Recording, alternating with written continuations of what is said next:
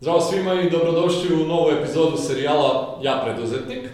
Danas smo u Beogradu u jednoj firmi čiji je osnivač i vlasnik onako imao jedan jako zanimljiv životni put. E, proćemo ga naravno kao što to radimo i svi, sa svim gostima. Pa, e, pošto ima dosta toga da se ispriča i dosta zanimljivih stvari koje bih hteo da, da proćaskamo sa njim, da ne dužim ja puno uvoda, vam predstavim gospodina Ivana Babića, koji je vlasnik Alter Medije.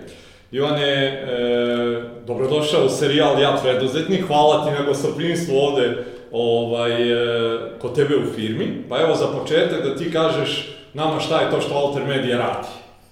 Hvala na pre svega na pozivu da, da, da učestvujemo u ovome. A ukratko, Alter Media se trenutno, ono čega živimo, bavimo se, u, da kažemo, ubrzanjem, da kažem, automatizacijom tehničkih procesa u maloprodaji. Mm -hmm. U suštini najviše ljudi će to pre svega shvatiti e, ubrzanjem unosa kalkulacija i tu veliki sistemi koji imaju veliki broj dokumenta troše mnogo vremena, prave se velike greške, mi njima pomožemo da ovaj, se sve to smanji, svede na minimum. To je, da kažemo, ukratko ono čime se trenutno bavimo i usput razvijemo neke, da kažemo, nove mm -hmm. stvari koje su na sličnu okay. temu. E, ućemo svakako detaljnije da. u, u sve to malo kasnije, ali onako kako nam ovaj, e, tradicija naše emisije nalaže, je da se vratimo u neke dečačke tvoje dane, pa da polako krenemo da vidimo kako je uopšte došlo do toga da, da ti kreneš da se baviš ovako nekim stvarima, iako ti to nije bilo, jel tako, da. ovaj, u zamisli, pa da čujemo eto malo da se vratimo u 76. jel tako, da krenemo da. polako ovamo, ka, ka, ka današnjim danima. Da, na, ovo je na kraju ispalo slučajno, nikad nisam planirao da se bavim ovim. Ovaj, pa ne, ja sam rođen u Beogradu, u Zemunu, odrasto, završio, da kažemo, tu i osnovnu školu, sve normalno, a onda sam imao, da kažemo, dve ljubavi, kažemo, u detinstvu. Kao što sam rekao, to su avioni i konji. I u želi da se bavim, teo sam naravno budem pilot pre svega, i kad sam upisivao srednju školu, upisao sam, to je sad Vazduhoplovna akademija, tad se zvala Vazduhoplovna škola, Vazduhotehnička škola Petar Drapšin, Jel je bila pretpostavka da kad završiš drapši nakon četvrte godine imaš šanse da odeš u Vršac, u JAT, u pilotsku akademiju i da budeš pilot. E, moja nesreća je u tom što sam ja za školu upisao, odnosno godište 76. 91. godine, čitajte 95. sam završio, tad sigurno nisam mogao da idem u Vršac i sve to, ali srećom po mene, ja sam te neke stvari shvatio još ranije, po nakon završene prve godine, da od toga mog posla nema ništa.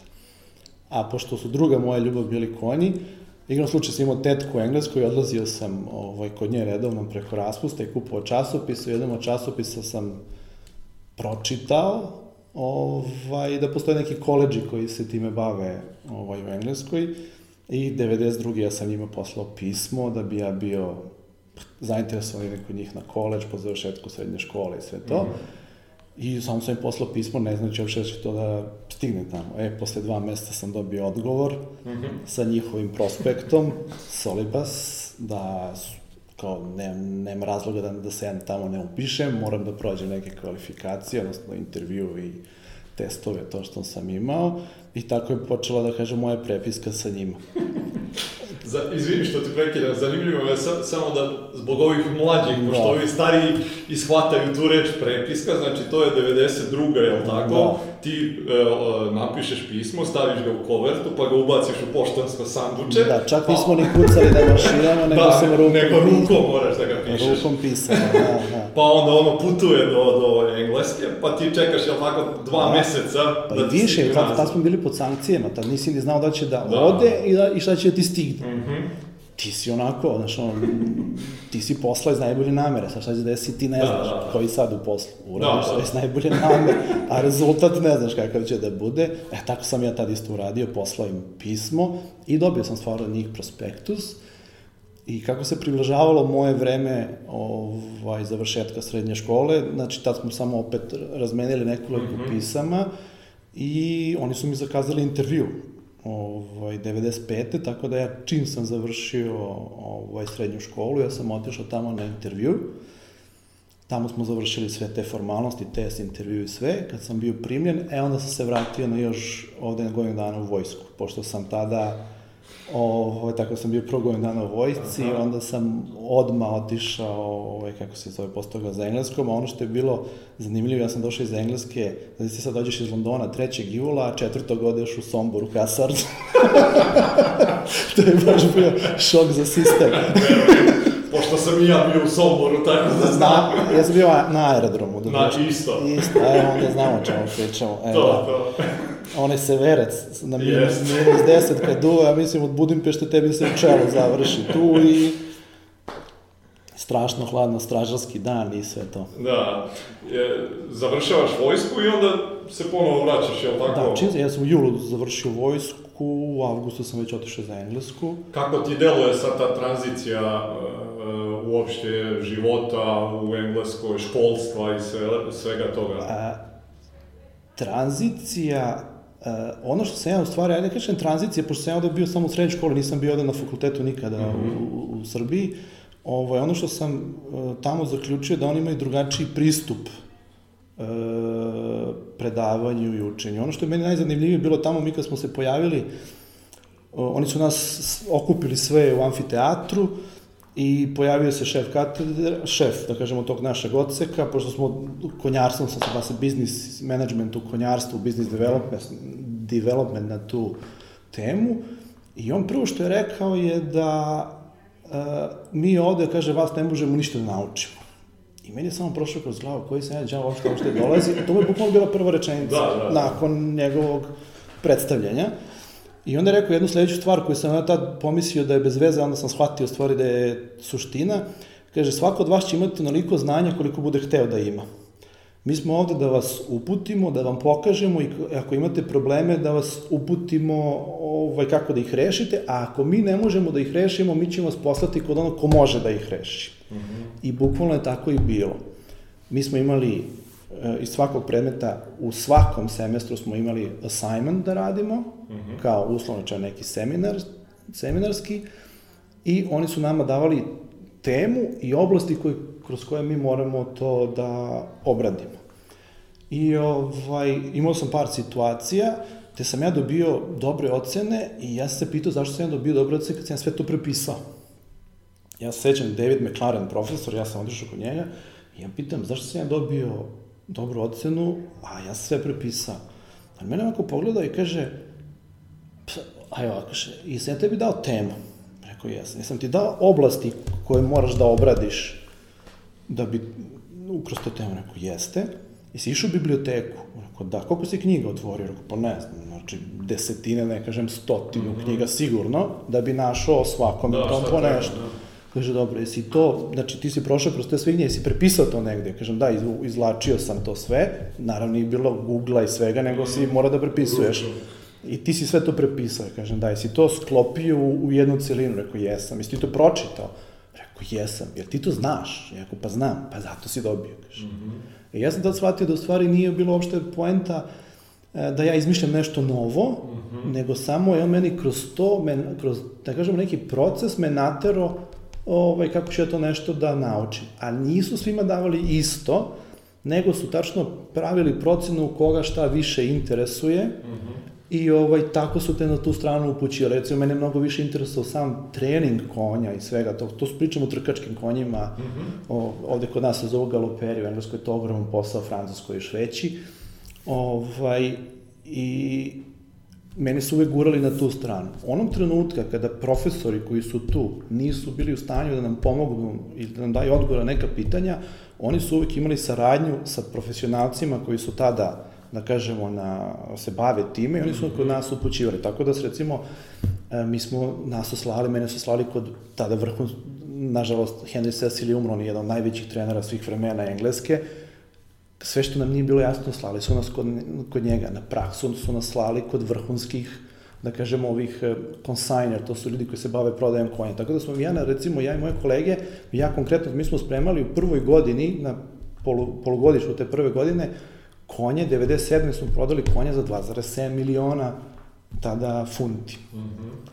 od, od tim nekim stvarima mi sada pričamo. Mm -hmm. I oni su nas kod tih ljudi slali da mi učimo ono što oni nisu mogli da nam ovaj, objasne. I ono što je ključno što po meni, e, što u Engleskoj i na takvim mestima uče decu onome što, mislim, ovde propuštamo, a to je osnovama računovodstva i financija. Mm -hmm. Uh, I mislim da je to u stvari meni pomoglo da ja mnogo bolje shvatim kasnije kako posao funkcioniše. Jednostavno čitanje je uh, bilansa stanja, mm -hmm. bilansa uspeha i svega i uopšte vođenje računa o knjigama, ali ne da ti budeš knjigovođa, ne, nego da imaš osnove, da znaš kako taj svet financija uh, funkcioniše, to je ono na čemu su insistirali. A sve drugo si mogu da radiš ovaj, kako si šta hteo. I mislim da odatle ovaj, i, i potiču ta neka moja, da kažemo, analiza svega što radim ovaj, sada finansijski u suštini. Mislim, zbog moje firme, ne zbog nečega drugog. Da. Reci mi, koliko dugo ti traje školovanje tamo? Koliko uopšte ostaješ u Engleskoj? Četiri godine. Četiri godine. Da. Znači, samo si završio školu e, i Ima, imali, se... imali smo između prve i imali smo obavezne, to se zove compulsory work placement. Mm -hmm. uh, imali smo obavezno uh, da idemo na praksu. Dobro. Uh, I obično smo na praksi nešto, ti si nešto radio, e onda su prosle kroz nastavu smo tome učili tako da si ti imao neka predznanja i bilo ti mnogo lakše da shvatiš neke stvari. Mm -hmm. I imao sam recimo interesantnu situaciju kad su me zvali na jedno mesto idem, ovo, ja sam rekao što tamo, tamo je loše, tamo ne treba da idemo, oni nemaju nikakav uspeh, onda su mi rekli pa tamo i treba da odeš, samo nemoj dugo da se zadržavaš. Ali da vidiš kako... Da, rekli su, ako, tamo, ako si u stanju tamo da prepoznaš šta je loše, ti si, već si napravio jedan korak napred. Mm -hmm, I, ovaj, i, tako, lekcija, i, tako, da. I tako je bilo, zaista. Mm -hmm. Tako da, ovaj, s te strane, mislim da njihovo školstvo je drugačije od našeg i, i, i, i mislim da više prija čoveku ovaj, lakše, lakše shvataš posao i oni imaju dosta, dosta toga kroz praktične primere te vod i nemaju problem da ti pokažu. Igro slučaj, moj brat je završio bankarstvo u Londonu i ne da ja znam, nego znam, on se kad, ako ima problem iz nekog predmeta, nikakva, nikakva nije bila neobična situacija da se on nađe sa profesorom vikendom u pubu, uz pivo da mu profesor objasni sve što mu nije jasno. To, to je sasvim normalna situacija. Kod nas malo drugačije, zato što su oni kao na nekoj drugoj poziciji, -hmm. što ne treba da bude tako. Mi smo došli kod njih da pokupimo znanje, odnosno da oni nama daju znanja, to nešto što nama treba, a nemamo i pretenzije da uzmemo njihov posao u suštini, niti mi treba da znamo više od njih, nego oni su ti profesori koji treba nama prenesu ta neka znanja u suštini. Mm -hmm. Tako da... E, vraćaš se onda nazad u... Ne. Ne? E, ostao sam jedno vreme u Engleskoj, radili smo te aukcije, odlazim u Francusku. Aha. U Francusku sam odlazio i na taj work placement sam odlazio ovaj, po par meseci i onda sam otišao još jednom u Francusku e, na šest meseci i tamo sam, kako se zove, e, radio na Ergeli, radili smo aukcije u, u ovoj Normandiji i nakon nek, tih nekih naših rezultata ja sam dobio ponudu od jednog vrhunskog trenera, Andre Favra, e, da ostanem u Francuskoj. Međutim, tada je moj problem bio to što sam ja iz Srbije. I bilo je problem da rešim papir. Mm -hmm. I ja sam pokušao, međutim, bio, imao sam problem sa bukvalno birokratijom. Da bi uopšte ušao u tu neku priču, morao sam da imam tri meseca napred rešenu vizu, a ja nisam imao. Ja sam imao regularnu vizu, ali ne za tri da, meseca napred. napred da i nisu uopšte to, znači ono što kaže red tape, samo su me odbili, nisu uopšte li pričaju tome.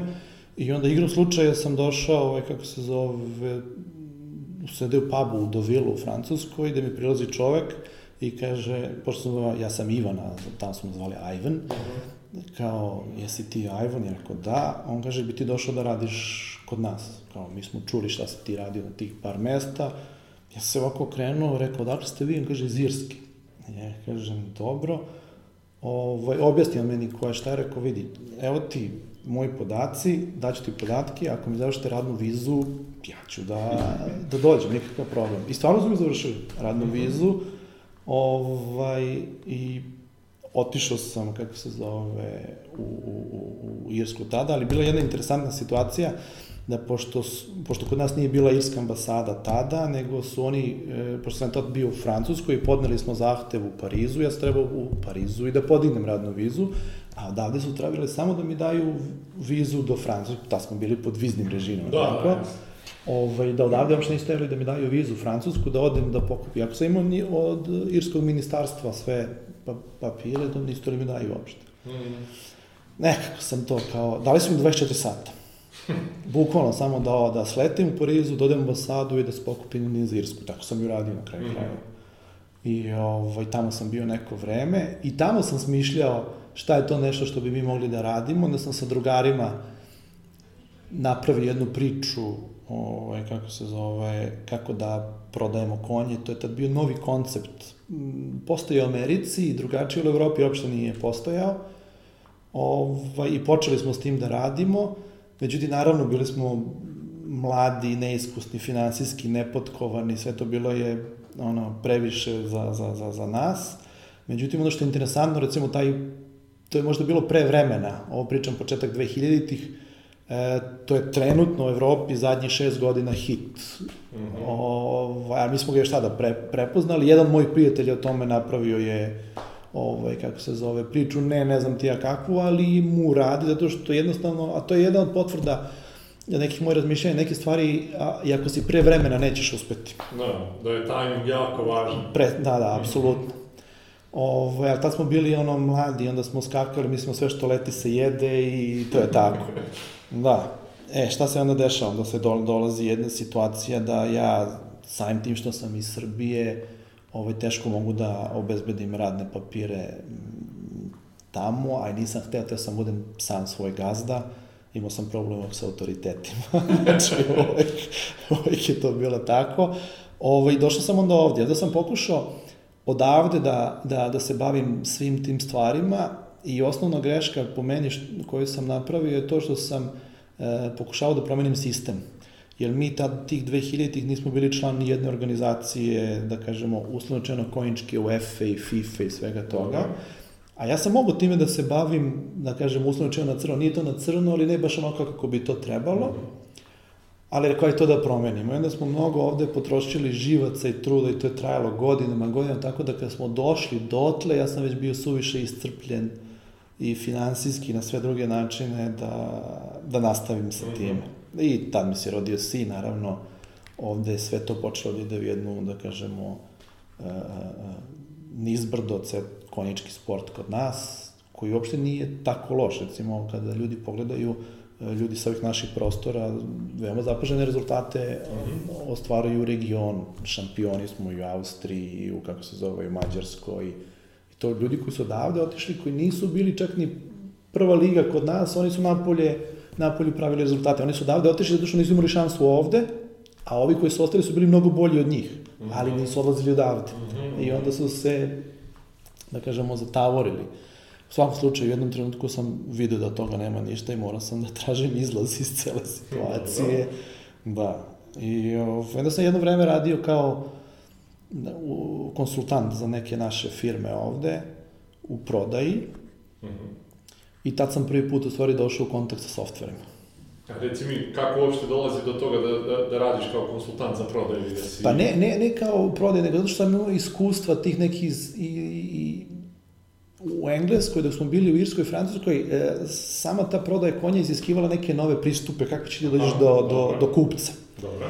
I to je, ja mislim, dan danas jedan od mojih jačih stvari, kako dođeš do, kum, do kupca na nekonvencionalne načine, Aha. ali ni, ni, ništa loše na kraju krajeva, samo Jasno. kako ćeš da ih privučeš, Dobro. šta je to što ti moraš znaš. Ja recimo tad kad smo se bavili konjima, ja sam, ja sam analizirao svakog trenera, njegove rezultate, sa kakvim konjima je pravio, sa, iz kakvih familija, da li je bilo muško, čak sam išao do boje. I onda sam tačno kontaktirao određene ljude, da ja kažem, ja imam za vas pravi proizvod, naravno sad I oni su dolazili kod nas i posle su nam se zahvaljivali kad su sa tim pravili rezultate. Mm -hmm. To je suština, moraš da poznaš svog kupca. Mm -hmm. E, to sam, to, samo mi treba dovoljno vremena da se skoncentrišem, napravim neku statistiku, analitiku, da bi se time bavio. E, tako sam i ovde počeo da se bavim. I onda, imali smo dosta uspeha u svemu tome, ali to nije bilo moje. To nije bio Aha. moj posao. I dalje te to kopkalo. I dalje me to, to kopkalo i onda sam odlučio da napravim nešto svoje. Mm -hmm. I sećam se ko, ko, ko, ko danas, to je bio jedan posao sa vending mašinama, gde smo mi imali ideju da napravimo po školama beskontaktna plaćanja, da deca ne moraju da nose keš, zdrava, uslovčeno zdrava hrana, Bambi, Imle, Knjaz bili su tada ista firma, tako, mm -hmm. ovo, isti vlasnik i da se naprave vending mašine, da nema onih pekara i da se uslovčeno malo zdravija hrana stavi tamo, da roditelji ne moraju da im daju keš, da im niko ne otima i da imaju kontrolu šta kupuju i kad kupuju. I mi smo počeli da pravimo taj neki e, program da bi se kontrolisala prodaje na vending mašinama i kao da napravim pilot projekat u školama. Igrom slučaja preko konjičkog sporta, kako to već ide, sam upoznao i Slobodana Petrovića, on je tad bio generalni direktor Imleka, ovaj Slobodan Petrović je ovaj Duna Foods grupa. Mm -hmm. I ja sam napravio celu prezentaciju, sve to bilo kako treba. I ja sam otišao kod njega, pozvao sam ga, rekao, Bobo, ne moramo sastanak, prezentaciju kao Živone, naravno, nikakav problem, dođi ti kod mene, ja vam dođem, prezentujem to, sećam se kao danas slike, on kaže, Živone, fenomenalno. I ja sad već poleteo, ali meni to uopšte ne treba. to me uopšte ne znam. Tako da je to, što kažu, prvi mačići se u vodu bacaju, to znači, evo, dan danas tu stoji, nikad ništa posle toga nije urađeno tog trenutka sa tim, ovaj, i on je rekao, što ti kaže, šta nama treba. I dogovorili smo mi tu neki mali projekat, on ima neke zanimljive ideje, I iz toga, u stvari, pošto se to zasnivalo prilično na uh, uparivanju šifara sa prodajnim mestima i sa njihovim šifara, tako su mi krenuli malo po malo, malo po malo. Mm -hmm. Tako da, uslovno čeno, ovo čime se ja bavim, neću kažem, slučajno došli do toga, ali metodom greške smo došli. Nije bilo planirano na taj način. Ali da, uopšte. Da, da, da. E, onda kad sam video uh, kakvih problema, onda sam seo, analizirao, I e, prvo koju sam analizu radio je opremljenost IT opremom, e, da kažemo, retail objekata. I dan danas imate problem što dosta maloprodajnih objekata ima recimo fiskalne kase. Ok, s nekima može da se, kažem, kad kažem komunicira, mislim sam sa serverima, komunicirate svima, ali ne možete sa svima. To je ograničenje interneta, a, da ga uopšte imaju ili imaju samo one APN kartice za GPRS, ovo APN, one veze preko GPRS-a da se kače na poresku upravo šta može, šta ne može i ti veliki deo toga odbaciš. E onda sam video da, da je u apotekarskom sektoru drugačija situacija, da oni to vode, sajim tim što ih je država ovaj, naterala zbog nekih svojih propisa da moraju da vode i oni su imali malo bolju IT opremu. I onda sam ja došao na ideju da napravimo, ne kažemo, neki web shop gde bi sve apoteke ovaj, mogle da se zakače tu, da naručuju robu po najboljim uslovima od svojih dobavljača. Naravno da kada smo mi to sve napravili, kad smo bili pred sam kraj, tada su velike dve veledrogerije postale svoje web shopove, znači istog trenutka je opet, znači drugi faul. Ali ne odustaješ, nijednog trenutka.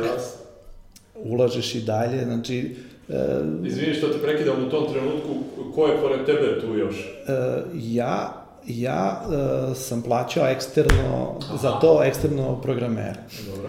Jel imaš u tom trenutku zvanično osnovanu firmu? Da, da, da, da, da, da, da. Dobro. Od 2008. Mm -hmm. znači, imamo sve, sve bilo kako treba.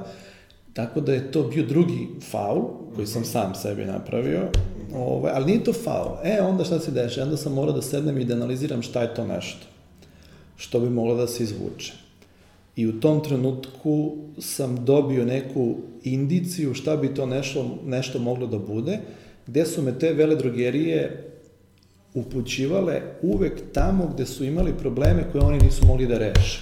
Nisu teli se bave time. Tako da sam ja u stvari ulazio polako u posao na način da sam rešavao tuđe probleme koji su bili i suviše e, veliki za njih u smislu niste da se bave time, mm -hmm. mali po kao problem, ali velik da bi iskorišćavali svoj IT potencijal se bavi time. Mm -hmm. I onda smo, ja sam prepoznao tu šansu, oni su mene upućivali, videli gde je tu problem i onda sam, tad sam prvog, da kažemo, inženjera zaposlio, onda smo mi uzeli i, i ovaj, šest meseci nam je trebalo da dobijemo do prve apoteke koja bi uopšte htela da pokuša da sarađuje sa nama. Znači, šest meseci. Šest meseci. Znači, šest meseci ništa, ništa, ništa nismo radili.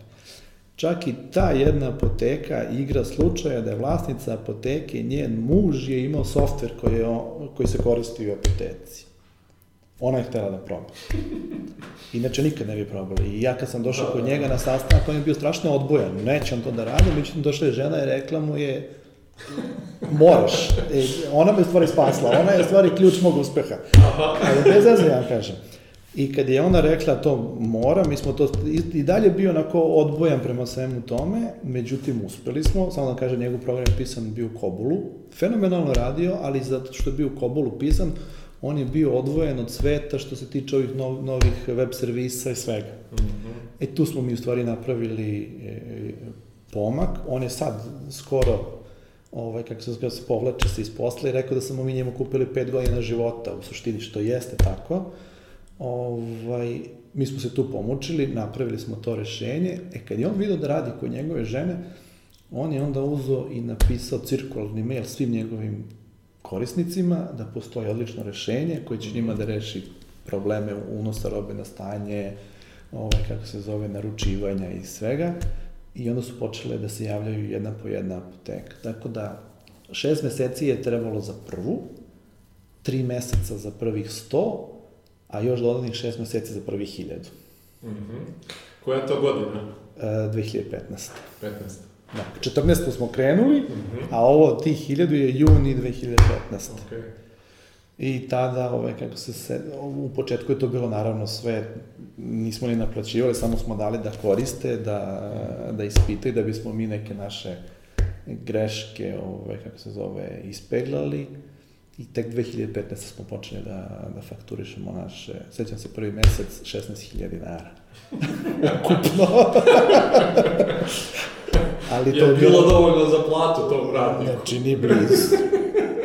A to je priča tek za sebe, znači koliko se, koliko se čovjek iscedi u svemu tome, znači, pre svega emotivno. Mm -hmm. Finansijski to će i da dođe i da prođe, znači, mm -hmm. ali emotivno to ostavlja... Kako si se ti izborio sa tim periodom, znači to je 2008. je li tako?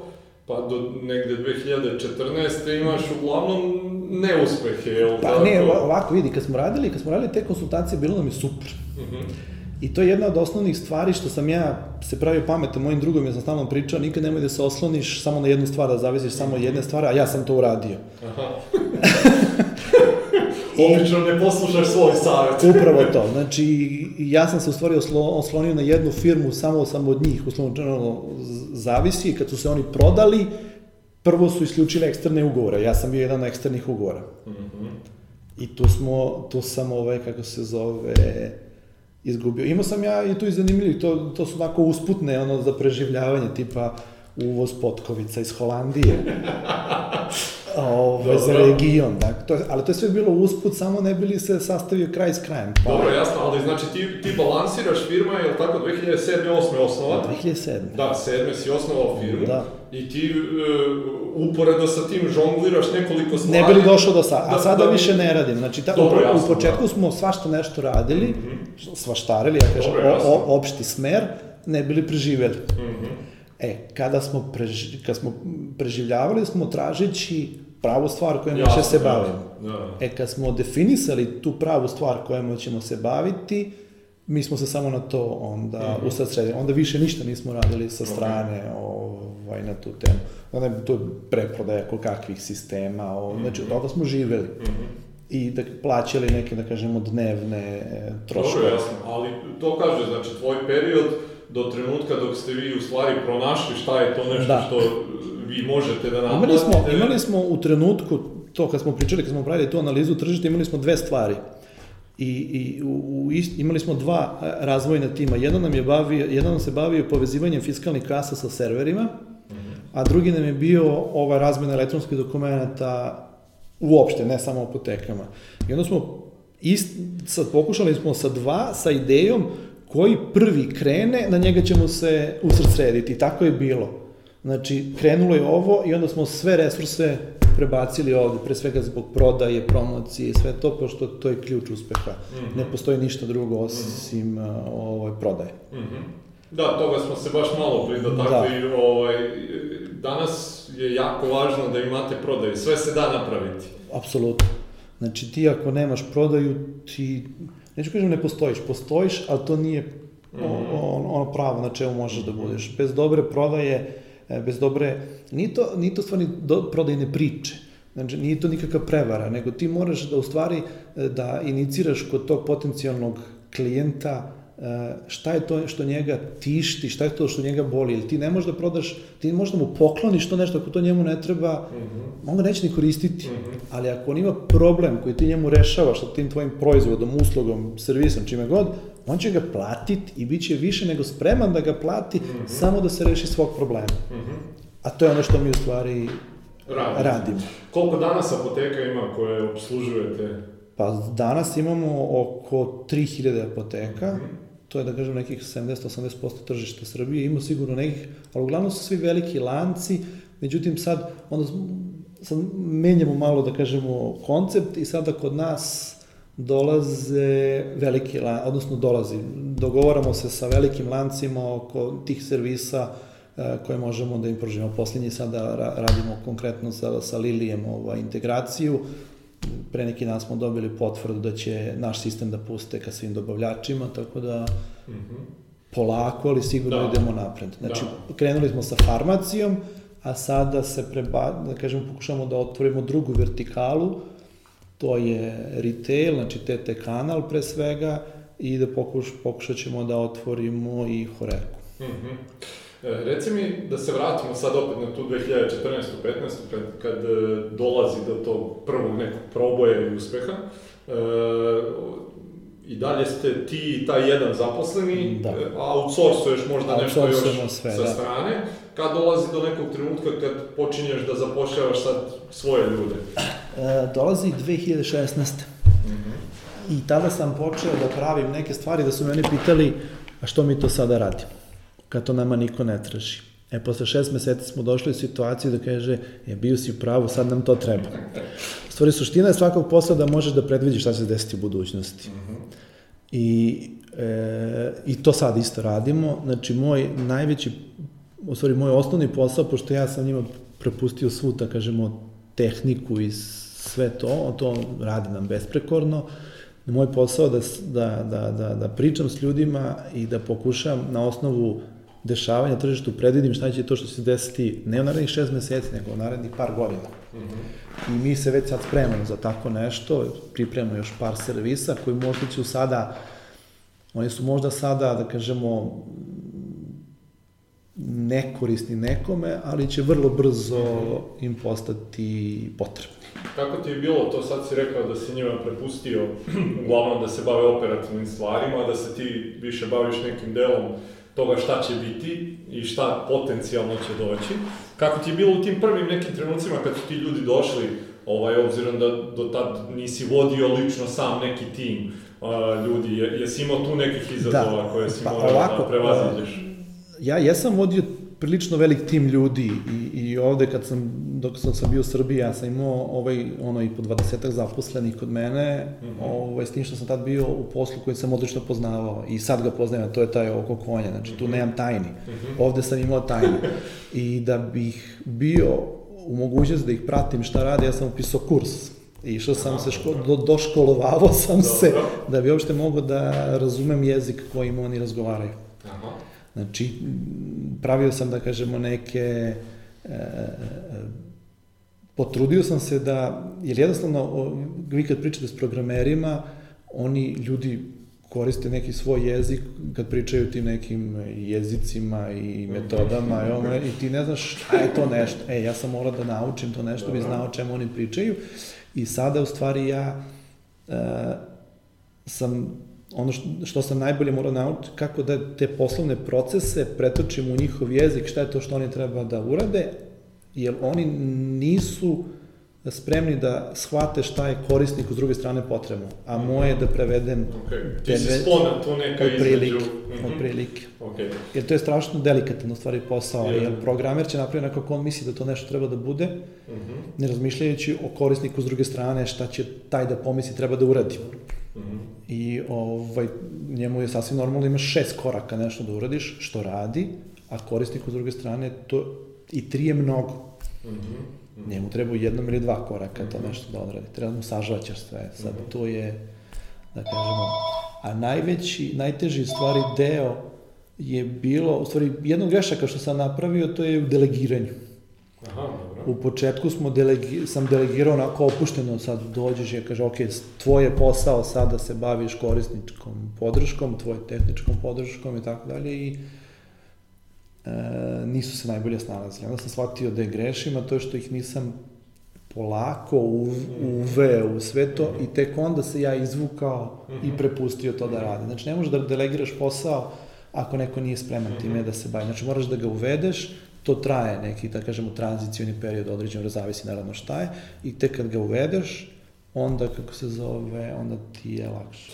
Ti si dakle imao neku uh, drugačiju vrstu problema, većina vlasnika firmi ima problem da delegira uopšte nešto, a ti si to radio preuranjeno, recimo. E, I evo, i relativno skoro smo imali jednu situaciju gde sam se borio sam sa sobom, jer posao koji bi trebao meni 10 minuta, njima treba sat i po vremena. A to je sam početak. Mm -hmm. Boleo me stomak i želudac, teo sam da uskočim, da iskočim iz kože, da, ali sam rekao ne, izdrži. Dobro. Biće ti, ispla, isplatit će ti se, izdržao sam tih desetak, 20 dana i onda sve da, evo sada... Naravno sada je fenomenalno. Da sam tad uskočio, sad ne bi bio u ovoj situaciji, tek tako da. opušteno da sedi. to, je, to je recimo problem koji ja često srećem u mom poslu, obzirom da, da kad razgovaram sa vlasnicima i kad im kažem da moraju da, e, nije normalno da, da radnik koga vi zaposlite, da će da uradi nešto isto dobro kao ti koji si tu, ne znam, 5, 10 ili 20 godina. Ali to, mora malo da te zaboli stomak, da pretrpiš te neke stvari, da bi ti onda u jednom trenutku mogao da on radi to tako kako treba, ti uzimaš nove stvari kojima se baviš. Da, ključ je po meni u procedurama. Mm -hmm. Znači, za svaku akciju mora se definišu procedure. Mm -hmm. I kad ti kao vlasnik, to što ti kaže, ti to sve poznaješ, ako tako dobro poznaješ, uzmi napravi proceduru za svaku akciju za sebe. Mm -hmm. I to pretoči u poslovni proces. Mm -hmm. Tako kad ti nekoga uvedeš, ti ćeš kroz taj poslovni proces da ga sprovedeš kroz proceduru, teško će da pogreši. Mm -hmm ali, znači, prvo je da vlasnik shvati šta je to što je bitno i kojim redom da se uradi, ovaj, i da ga tako, da ga napraviš. Mm -hmm. Ima to ono što kaže, treba svi da napravimo McDonald's, u suštini, znači, tačno se zna koliko ide, ne znam, salate, koliko krastavčića, koliko čega, u svaki onaj burger, to je suština mm -hmm. posla. Tek tad možeš, možeš da scale up, mm -hmm. možeš da da praviš neka, neke proračune na, mm -hmm. na tu, pre toga ne možeš, zato što ne znaš šta će ti trebati. Mm -hmm. I ja sada nekima ovaj, prijateljima pomažem da oni upravo definišu te procese i kroz svoje poslovne sisteme da ne može da se napravi, ovaj, kako se zove, odnosno ne može da se smanji mogućnost greške, zato što, ne, ono kao što sam rekao, a, ne smiješ sebe da dovedeš u situaciju da zavisiš od stručnjaka. Stručnjaka je suviše malo i su potrebni. Ako ti zavisiš od njih, koje su šanse da će on baš kod tebe da radi, mm -hmm. osim ako nisi Microsoft. Mm -hmm. E, ti moraš da napraviš takve procese da i, otkažem, kad kažem običan, normalan čovjek je u stanju da to nešto odradi, ali stručnjak ti treba da ti napravi to, da to tako može. Mm -hmm. Dotakli smo se malo pre baš nezvanično svega ovoga i mislim da je ova tema jako uh, važna. E, pogotovo ovde kad, kad pogledamo većinu naših kompanija i dalje ne postoji sistem u njima, nema definisanih procesa, ni procedura, ničega i mislim da je to nešto što će tek u nekih narednih 10-20 godina ovde morati dosta da se radi na tome i mislim da si ti ovako neke lepe primere baš naveo od toga da i te i dan danas malo boli stomak kad treba da delegiraš i da ti to možeš da uradiš dosta evo, brže evo, i sve. Samo boli stomak. Evo tamo o novom tom nekom sistemu, ja nisam tamo, ne znam čemu oni pričaju. Šta će se tu desiti? Reci mi, zanima me sad kad si ovaj, došao do toga da, da zapošljavaš ljude, kako si birao i šta si tražio u tim ljudima e, kad si razgovarao sa njima, kad si odlučivao da li će da, da počnu da e, sarađuju sa tobom ili ne, šta ti je bilo važno? Uh, u, to je strašno zanimljivo, vidim, baš smo u poslednjih par meseci smo imali takih, malo više smo zapošljavali. Ovo, u početku je to bila stručna sprema i stručnost a sam došao do zaključka da je prva karakteristika ljudska subina. Ako ne mogu kao ljudi da se uklope u tim, bolje da nije tu. Mm -hmm. Pokvari sve drugo. Mm -hmm.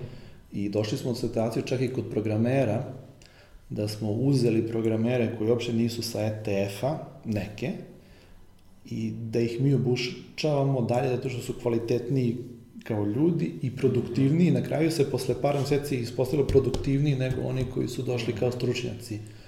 Ovaj, tako da, po meni je prvo ljudske karakteristike na koga može da se oslaniš. Ja s njima rekao, vaš osnovni zadatak je da meni čuvate leđa. Ne meni kao meni, nego firmi. Mm -hmm. To vam je prvi zadatak. Čuvajući leđa firmi, čuvate i sebi. Mm -hmm. A posle ćemo sve drugo. A ako neko doživi, imao sam situaciju da pitao sam ga šta ti očekuješ od firme. Svaki put, svakog njih pitam ti nešto smeta, mm -hmm. šta ja to treba da promenim u firmi, u mom odnosu i bilo čemu, da bi tebi bilo bolje, da li očekuješ da trebaš da imaš neku obuku iz nečega, mi rado šaljamo, nije problem. Znači, oni mogu da kažu sve što hoće jednom prilikom sam pitao šta ti očekuješ od ovog posla, a meni rekao ja sam došao samo da odradim. E, meni to nije dovoljno. Mm -hmm.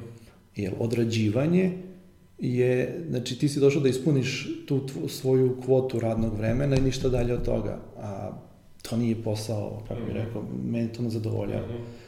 Ja ne kažem da on treba da ostaje ne znam gdje koliko posle radnog vremena. Ne, neka ostane i kraće, ali neka ga uradi sa sa željom da to zaista odrad, uradi kako treba, a ne samo da ga odradi. Mm -hmm. Velike razlike. Da, da, ovde je meni ta, ta, ta reč uopšte kad je neko, da odradimo to, da. nekako zvuči meni da. baš onako para uši. Kada ti neko rekao, to veriš drva i ti sad, ok, to da. sam odradio sad. Da. Mrzim ga, ali da. sam ga odradio. Da. Ne, da. to nije to. Mislim da, da je taj, eto, baš deo koji se spomenuo sad, e, uklapanja ljudi uopšte i njihovih ljudskih kvaliteta, mislim da će ovde isto obzirom da još nismo došli do toga da imamo organizaciju u firmama, pa tek onda da, da vidiš u stvari koliko je kultura važna e, za firmu i baš mi je drago da si eto i ti neko svoje viđenje dao i kako ti to u firmi funkcioniše baš sam evo skoro spominjao to na jednom treningu strategije koju smo imali gde Warren Buffett je baš rekao da e, kultura jede strategiju za doručak. Da. I da će ovde tek kako budemo polako radili na tome, na sistemima, na uvođenju u firme da, da posluju na jedan uređen način, početi da shvatamo koliko je važno da taj e, kulturni fit ljudi, novi Absolutno. koji dolaze, da je presudna stvar. Apsolutno. Uh, jer jednostavno Ako neko dođe i pokvari celu atmosferu, svi pate. Svi. Znači, i kao ličnosti mm -hmm. i kao firma. Mm -hmm. I nema smisla. Mm -hmm. Ne postoji ta stručnost ako treba, znači, uzmi drugu poslovnu jedinicu, nek sedi tamo, nek radi, ako je toliko bitan. Da. Ali to ono što kažemo, nemoj da zavišiti stručnjaka. da, da. Znači, i to, to, to je suština. Nažalost je tako, ali, ali mora i o tome da se vodi računa. Jer, e, dolazak na posao i to ne treba da bude stresna situacija. Mm -hmm. Meni uvek jeste, ali ne, nije to posao kao tu, nego ono što, sve što se dešava na polju, mm -hmm. a ne, ne mora i unutra da mi bude Jasne. stres. Da tu bude neki mir Upravo i neki to. sklad. Da, da. I zaista jeste tako. Ja kad odem recimo negde i kad ostavim, ne razmišljam tome, znam da će biti urađeno. To mnogo znači. Mm -hmm. Kako ne? E, a to je po meni suština. Mm -hmm. Jer ako to ne bi imao, ne znam, nisam siguran da, da, da, da, da bi opstao ovoliko. Mm -hmm. Ja recimo, Nikola se zove taj moj, ja njemu neizmjerno verujem. Znači, ako, ne, ne, ako nekom verujem u svemu tome, to je on. Mm -hmm. I on je jedina osoba, da kažem, on je stručan i on se za sve pita. Mm -hmm. S tehničke strane i -hmm. sve. Mm -hmm. A ostali su ispod njegovog nivoa i on to kontroliše. U početku je on i programirao i sve i dan danas, ali ovo, on sad više kontroliše ove druge, kako se to sve uklapa mm -hmm. u ovo naše, nego što on sam radi. Mm -hmm. A mislim da njemu više prije. Mm -hmm. Okay.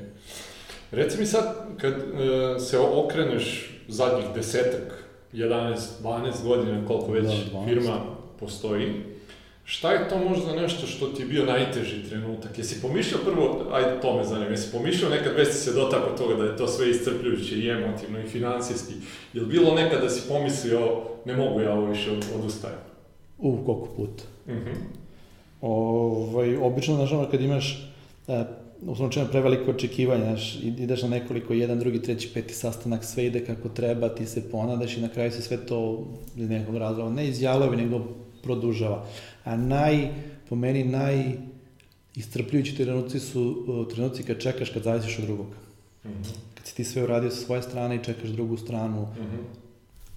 Banalizujem da se povežemo mi sa nekim tamo i ti zaviš od njegovog softverskog inženjera, šta će ovo, a on ima opet, njemu je to neka treća firma koja mm -hmm. radi i ti zavisiš u stvari indirektno treće firme i tebi sve ovde stoji. Mm -hmm. Ali da, dolazilo mi je, ovaj, kako se zove, ali onda je jedan lek za to. Sad sam to htio da te pitam, da, zbog čega nisi? Da, ja imam lek za to, ja, ja volim da stvaram i volim da, kako se zove, te neke stvari koje mi napravim, da, da pokažem da rade. I onda ja, kad se tako nešto desi, e, mi pravimo neke, da kažemo, nove stvari, da se novo nešto dešava, novi servisi, kada kažem nove stvari, novi servisi, i onda me, oni me sadrže ovaj, u, u, u životu što se toga tiče, jer ovo postaje suvoparno onda. Aha. Ovaj, to si sve, to i suviše dobro znaš i, ovaj, i moraš da pratiš i da pratiš i da pratiš i da pratiš, a onda ovo novo u stvari ti daje neku novu energiju i onda samim tim i ta energija je prenešena i na prethodne ovaj koji je aktualan. Mm -hmm. A mislim, normalno da čovjek zasiti neki stvari mm -hmm. posle toliko godina rada. Ali onda kad se desi neki napredak i u tome, tebi to daje, ela, evo, dobio sam mail, kao sam rekao od Lilije, da prelazi na nas, onda ti to daje neku unutrašnju mm. energiju, onda možeš koliko hoćeš da teraš dalje, nemaš problem mm. uopšte. Mm. A reci mi, ovaj, kad, kad uh, si imao takve te neke situacije, ovaj, da si pomišljao uh, odustaću... Uh... Nikad nisam pomislio odustaću. Aha. Nego zašto mora da bude ovako teško? Aha. Dobro. Zašto meni ne može nešto lakše? I mi svi, ja stvarno ne znam koliko je to tačno, znaš, ti kad gledaš tako neke priče, a onda ti kaže, u, pa vidi, on je samo otprilike pojavio se i njemu se to desilo, znaš. Da. Ali to su, a onda ti kaže, zašto se meni nikad tako nešto ne desi? Ja mogu da pričam da je sve bilo mnogo drugačije od toga. Da, da. Zašto ja ne mogu samo da se pojavim, meni samo da se desi? A nikad nisam pomislio da ću da odustanem, nikada, znači... Mislim da, da, da je ovaj serijal iz tog razloga nekog jako važan, jer... E, Imam još jedan lek. Koji? Borlečke veštine. Jack. Aha, dobro. To ti je bilo da izbaciš negativnu energiju, To mi je sada isto. I, I danas, jel? Da, i dan danas. Svaki put kad se iznerviram, ja odem, uzoram neki džak i smirim se. Izbaciš sve iz sebe i onda si kao ono, da. resetuješ se. Da. Da se vratim na ovaj deo e, koji sam počeo, mislim da je jako važno e, ono što e, svaka priča sagovornika i sagovornica koje smo imali kroz ovaj serijal. Nijedna nije bila i ja sam siguran da nijednu nećemo imati, ali je važno, mislim da i ti sad posle 12 godina preduzetništva i svega, kao i većina ljudi koji su dugo u preduzetništvu je svesna toga, ali mladi ljudi koji nas gledaju, koji nekako doživljavaju preduzetništvo kao, baš kao što si ti rekao, pojaviš se i sve odjednom super, i sve je onako lepo i nema nikakvih problema i izazova, ti kroz ovu priču u stvari čuješ da, da, da je to jedan proces koji je jako težak u početku dok ne dođeš do nekih pa, prvih rezultata. Ljudi kad bi pogledali samo i te neke velike, da kažemo, evo Airbnb, mm -hmm. pa njima je trebalo isto 6-7 godina da dođu tu da jesu. Nisu se oni pojavili 2016. pa 2017. i svi koristili. Ne. ne. Oni su počeli tek 2008. 9. nešto se tako prvi put mhm. pojavili. Isto tako. A samo mala ispravka. Ja sam od 2002. predodenik. Ja sam Alter Media postoji od 2007. Aha, dobro. O, od kad sam se vratio ovde sam preduzetnik. Dobro. Znači... A ta prva je bila zatvorena, pa onda smo uzeli drugu. Šta je ta prva radila? Uh, bio je ono kao na paušalu smo se bavili ovo treningom konja, trkačka. Aha, dobro. I onda smo bili da to ne ide, onda da. smo to zatvorili i onda... Dobro, znači dogoniti punoletstva preduzetničko. Pa, bez malo, bez da, malo. Da. Pa eto, to kažem i je cilj da... da kroz Ovde ovak... nikad nisam bio zaposlen nikod koga, u Srbiji. Samo kod sebe? Samo kod sebe. Dobro. E, baš eto, to, to mi je drago da si rekao, znači, nije e, nemoguće, niti je ništa loše u stvari, ako imaš jedan biznis, pa ti je propao, pa guraš dalje. Mislim pa, da je ta upornost... Pa ne može, ja, ja sad, ok, imam dva sina, osmi razred i treći razred. Ja njih pokušavam da naučim, nažalost, kod naša škola, ja to bar tako doživljam, odnosno ono što sam doživio u Engleskoj, e, škola, e, mada i tamo je do neke granice, ali ovde one ti ne dozvoljava ti da pogrešiš. Mm -hmm. I deca uh, imaju strah od greške. Mm -hmm. Sa samim strahom od greške uh, će da se ustručavaju da pokušavaju nešto novo. Mm -hmm. A uspeh nije ništa drugo nego ići iz greške u grešku, analizirati i popravljati mm -hmm. da bi došao na kraju do poslednje stepenice. Samo ta poslednja stepenica je uspeh. A sve, A sve druge su greške.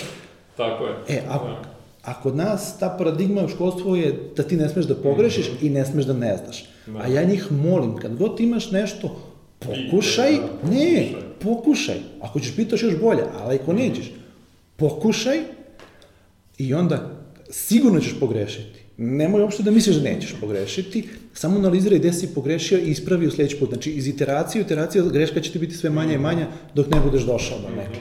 To je cela suština. Ja ne znam da to imati urbanih legendi, on se samo pojavi i uspeo. Ne, ja još nisam, ja to još nisam vidio. I ja nikoga nisam. Upoznao sam neke za koji su pričali, kad sam razgovarao s njima, nije to bilo tako. Naravno. To je samo uh, u javnosti tako to prikazano. To samo sa strane deluje. Čim zagrebeš malo po Ma on ti sam kaže, ma da si ti lud. ja misliš da je za stvarno tako bilo. I nije tako bilo. Naravno, ne. I svi imaju i aktualnih problema. Znači, to je samo uh, razlika u čipu.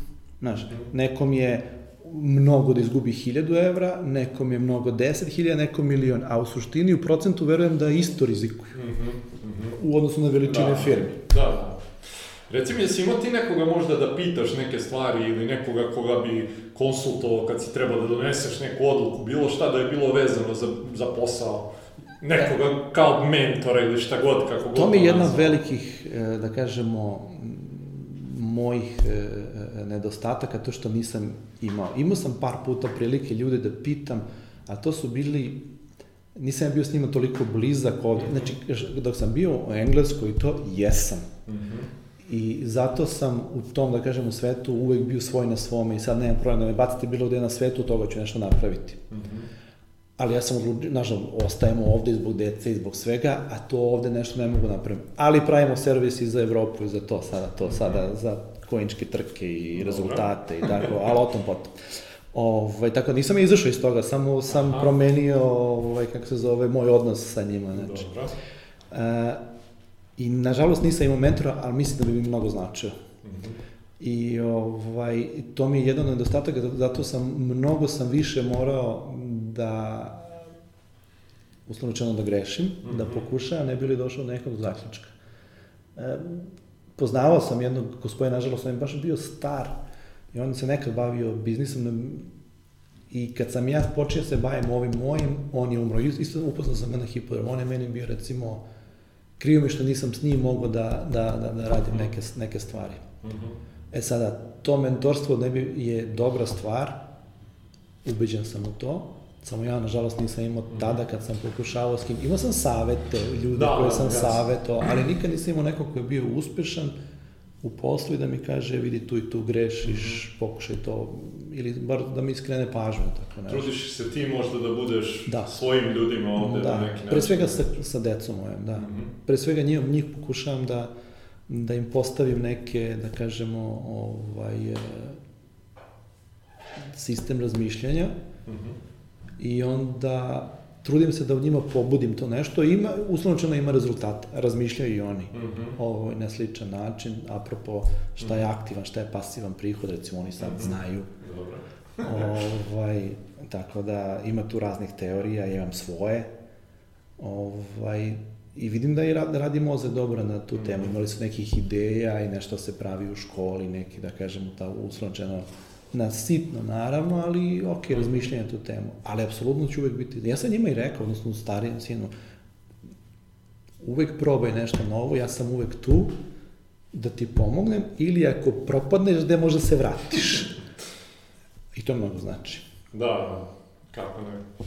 Reci mi kad, kad pogledaš svoj preduzetnički put, sad e, šta je to recimo osobina ili viši njih koje si morao da menjaš kod sebe Ovaj, Lenjost. Da, lenjost. Da, odnosno, e, mrzi me nešto da uradim. Aha. Ne lenj, nisam lenj po prirodi, nego imaš dosadan posao i moraš da ga tipa Excel tabele, pa da spojiš podatke između njih, znači, to, da se, sebe nateraš da radiš nešto što ti se ne radi. Kako si prevazišao to?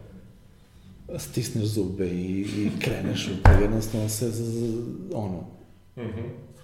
A... Ne, to, to, to mi naj, najviše u stvari sme. I morao sam, e, kao klinac sam bio stidljiv. Ovaj, tu, to, a to sam mnogo ranije, ovaj, kako se zove, mm -hmm. mora da prevaziđem to. Da, da. ovaj, da, da tu neku stidljivost, ono kao prvi put neko zoveš telefonom ili tako dalje, tako dalje, to. A neka možda osobina koju smatraš onako jako važnom i ključnom za to što si uspeo da, da dođeš ovde gde si danas? Analitičnost. Je li to urođeno nešto ili si razvijao? A ne znam. Mislim da je urođeno kod mene, ali ako nije, mislim da bi ljudi trebali da, da razvijaju, ne, ne analitika kao nauka, nego da posmatraš stvari i da pokušaš da ih staviš na pravo mesto, da vidiš kakve relacije između njih i mhm. gde je to nešto što ti hoćeš da radiš, gde se nalazi u odnosu na sve drugo, da to ima smisla ili nema smisla. Mm -hmm. Na to se misli. Okay. Reci mi, jedan deo emisije uvek pos, po, posvetimo onako mladim ljudima koji nas prate, mislim, mladim preduzetničkim stažom, ne godinama od kojih dosta njih e, razmišlja da tek sad krene u nešto svoje ili su tek negde krenuli sa, sa ovaj, svojim poslom. Pa me zanima šta je to što bi njima ti sad dao kao neke savete? Ovako. Ako mogu, evo, znači, uslovno rečeno, uslovno rečeno kažem, završi tehn, bilo koji fakultet, a obavezno da, da, se, da imaju neki MBA iz ekonomije ili biznisa, -hmm. Znači, bez toga ne. Ako mogu da urade u nekom sistemu neko vreme da, da vide kako su sistemi postavljeni, uspešnom sistemu, ne mm -hmm. bilo kom sistemu, da vide kako, kakva je hijerarhija, ili to je ideja da ti to postaviš kasnije kod sebe, čak i ako si one man show, ti moraš da imaš to, ja sad imam pozicije, iako su neispunjene, one koje su neispunjene, ja ih obavljam, pa kad se neko bude pojavio na njih, on će biti, mm -hmm. uslovno čeno, delegiran, bit će upućen u to i onda će on da, da, da preuzme to i ako ikako mogu upravo da nađu mentora. Mm -hmm. Mislim da će im to skratiti ovaj put do, do, do potencijalnog uspeha, naravno. Mm -hmm.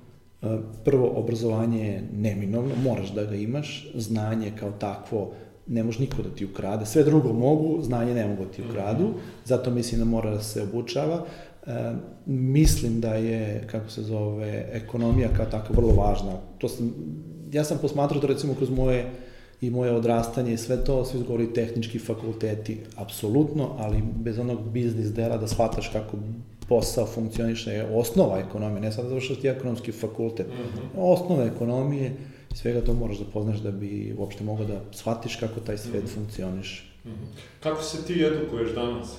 U, čitam redovno. Znači, od, u proseku, aj neću kažem jedna knjiga nedeljno, ali sigurno pročitam 20-30 knjiga godišnje.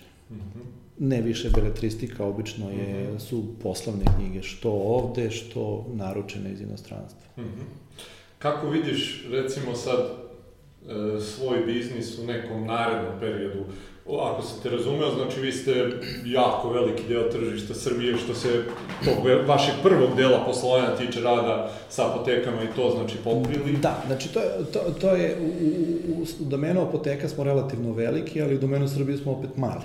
Mhm. -huh. Međutim, rastemo bukvalno svakodnevno, ali prisutni smo u Crnoj Gori, ali ideja nam je prvo da krenemo na region, a ovaj drugi servis koji razvijamo, njega razvijamo kao startup, bukvalno, znači on je nezavisan od, od svega, on, ono što, osnovno, to, to možda smo preskočili, e,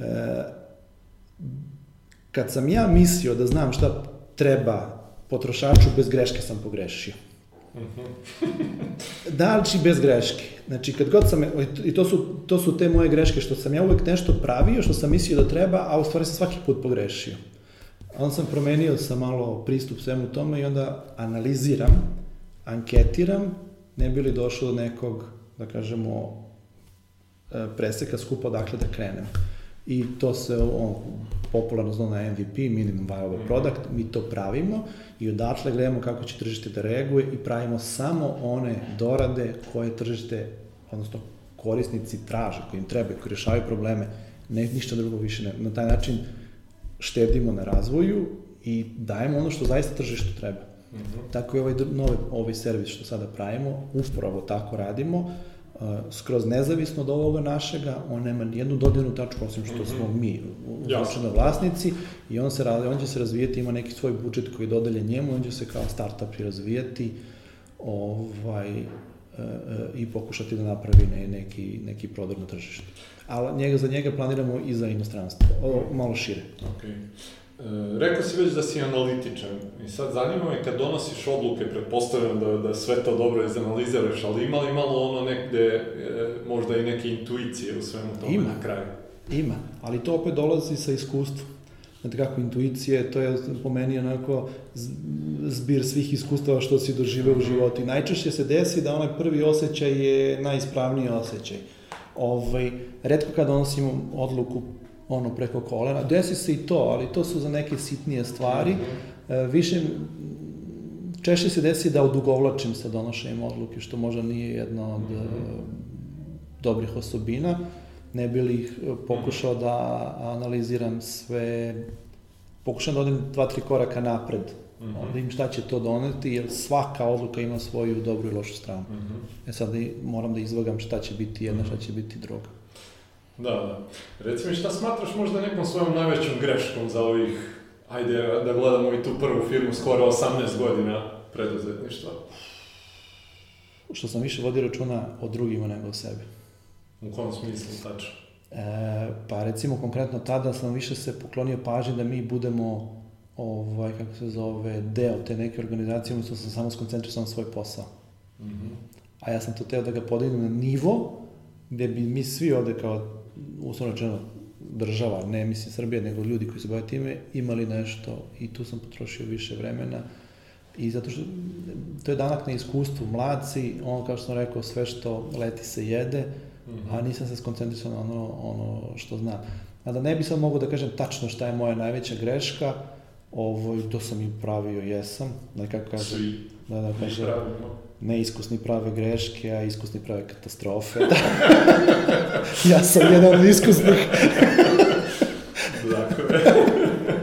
Tako da, nisam siguran. Uh, opet kažem, uh, možda jedna od grešaka što sam se i suviše lako odrekao onog dok sam bio u Evropi, onoga što sam tada radio tamo, s druge strane ja tad sad, sad ne bi imao porodicu koju sada mhm. imam, bez koje ja sad više ništa ne bi ni hteo da imam. Jasno. Tako da sve to je suviše e, abstraktno, kako bih rekao, mhm. šta je moja najveća greška. U toj situaciji tačno znam šta bi mi bila greška, ali da sam to tad odlučio i da sam promenio, ja mhm. sada ne bi imao sve ovo što sada imam. Tako je.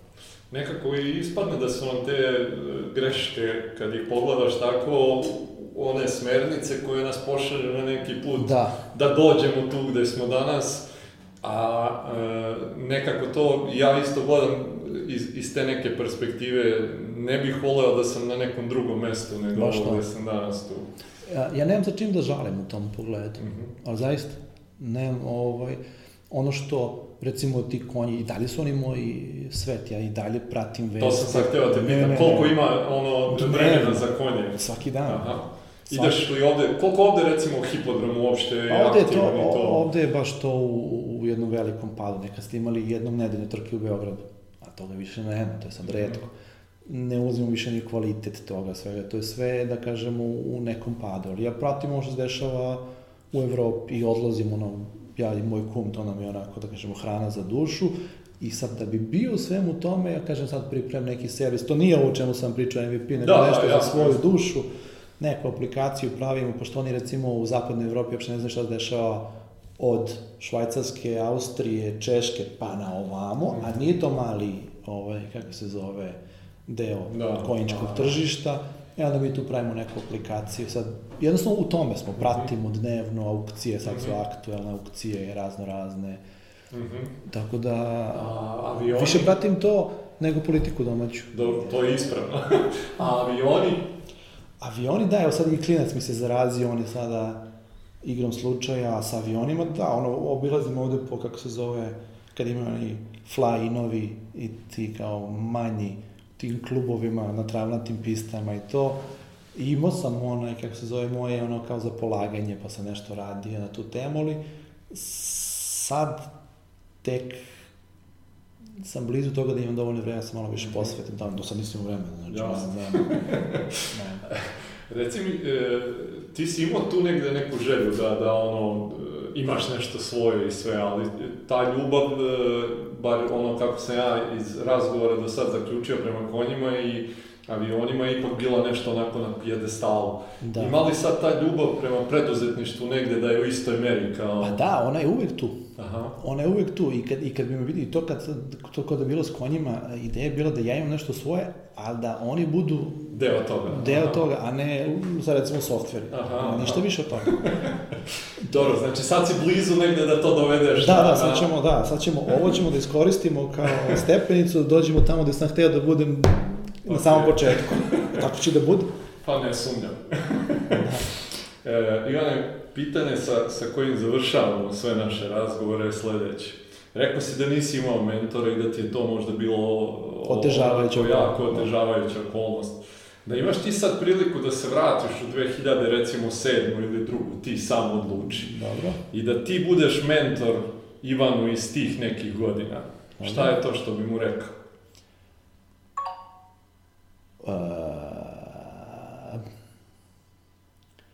Vera... to je dobro pitanje. Svašta bi mu ja rekao. Ih sve po spisku. ne znam, verovatno, verovatno bi mu... U, pre bi se vratio u 2007. Mhm. Pre bi se vratio u 2007. i, i rekao mu da bude odlučniji u nekim stvarima i izdržljiviji i da ne napravi uh, onu, onu grešku sam rekao, da se ne osloni samo na jedan izvor, uh, uh, pri, da se ne osloni samo na tu jednu tačku. Uslovno čemu ja jesam sada oslonjen na jednu tačku, ali zato i pra, pravim ovo sve drugo da ne bi bio samo na jedan, ali tako je, ne mogu drugačije, je li tako? Ovaj, mislim da samo to i, i ranije bi se uputio u, u, u edukaciju, dodatnu edukaciju, čitanje tih nekih poslovnih, mnogo sam naučio odatle, Mhm.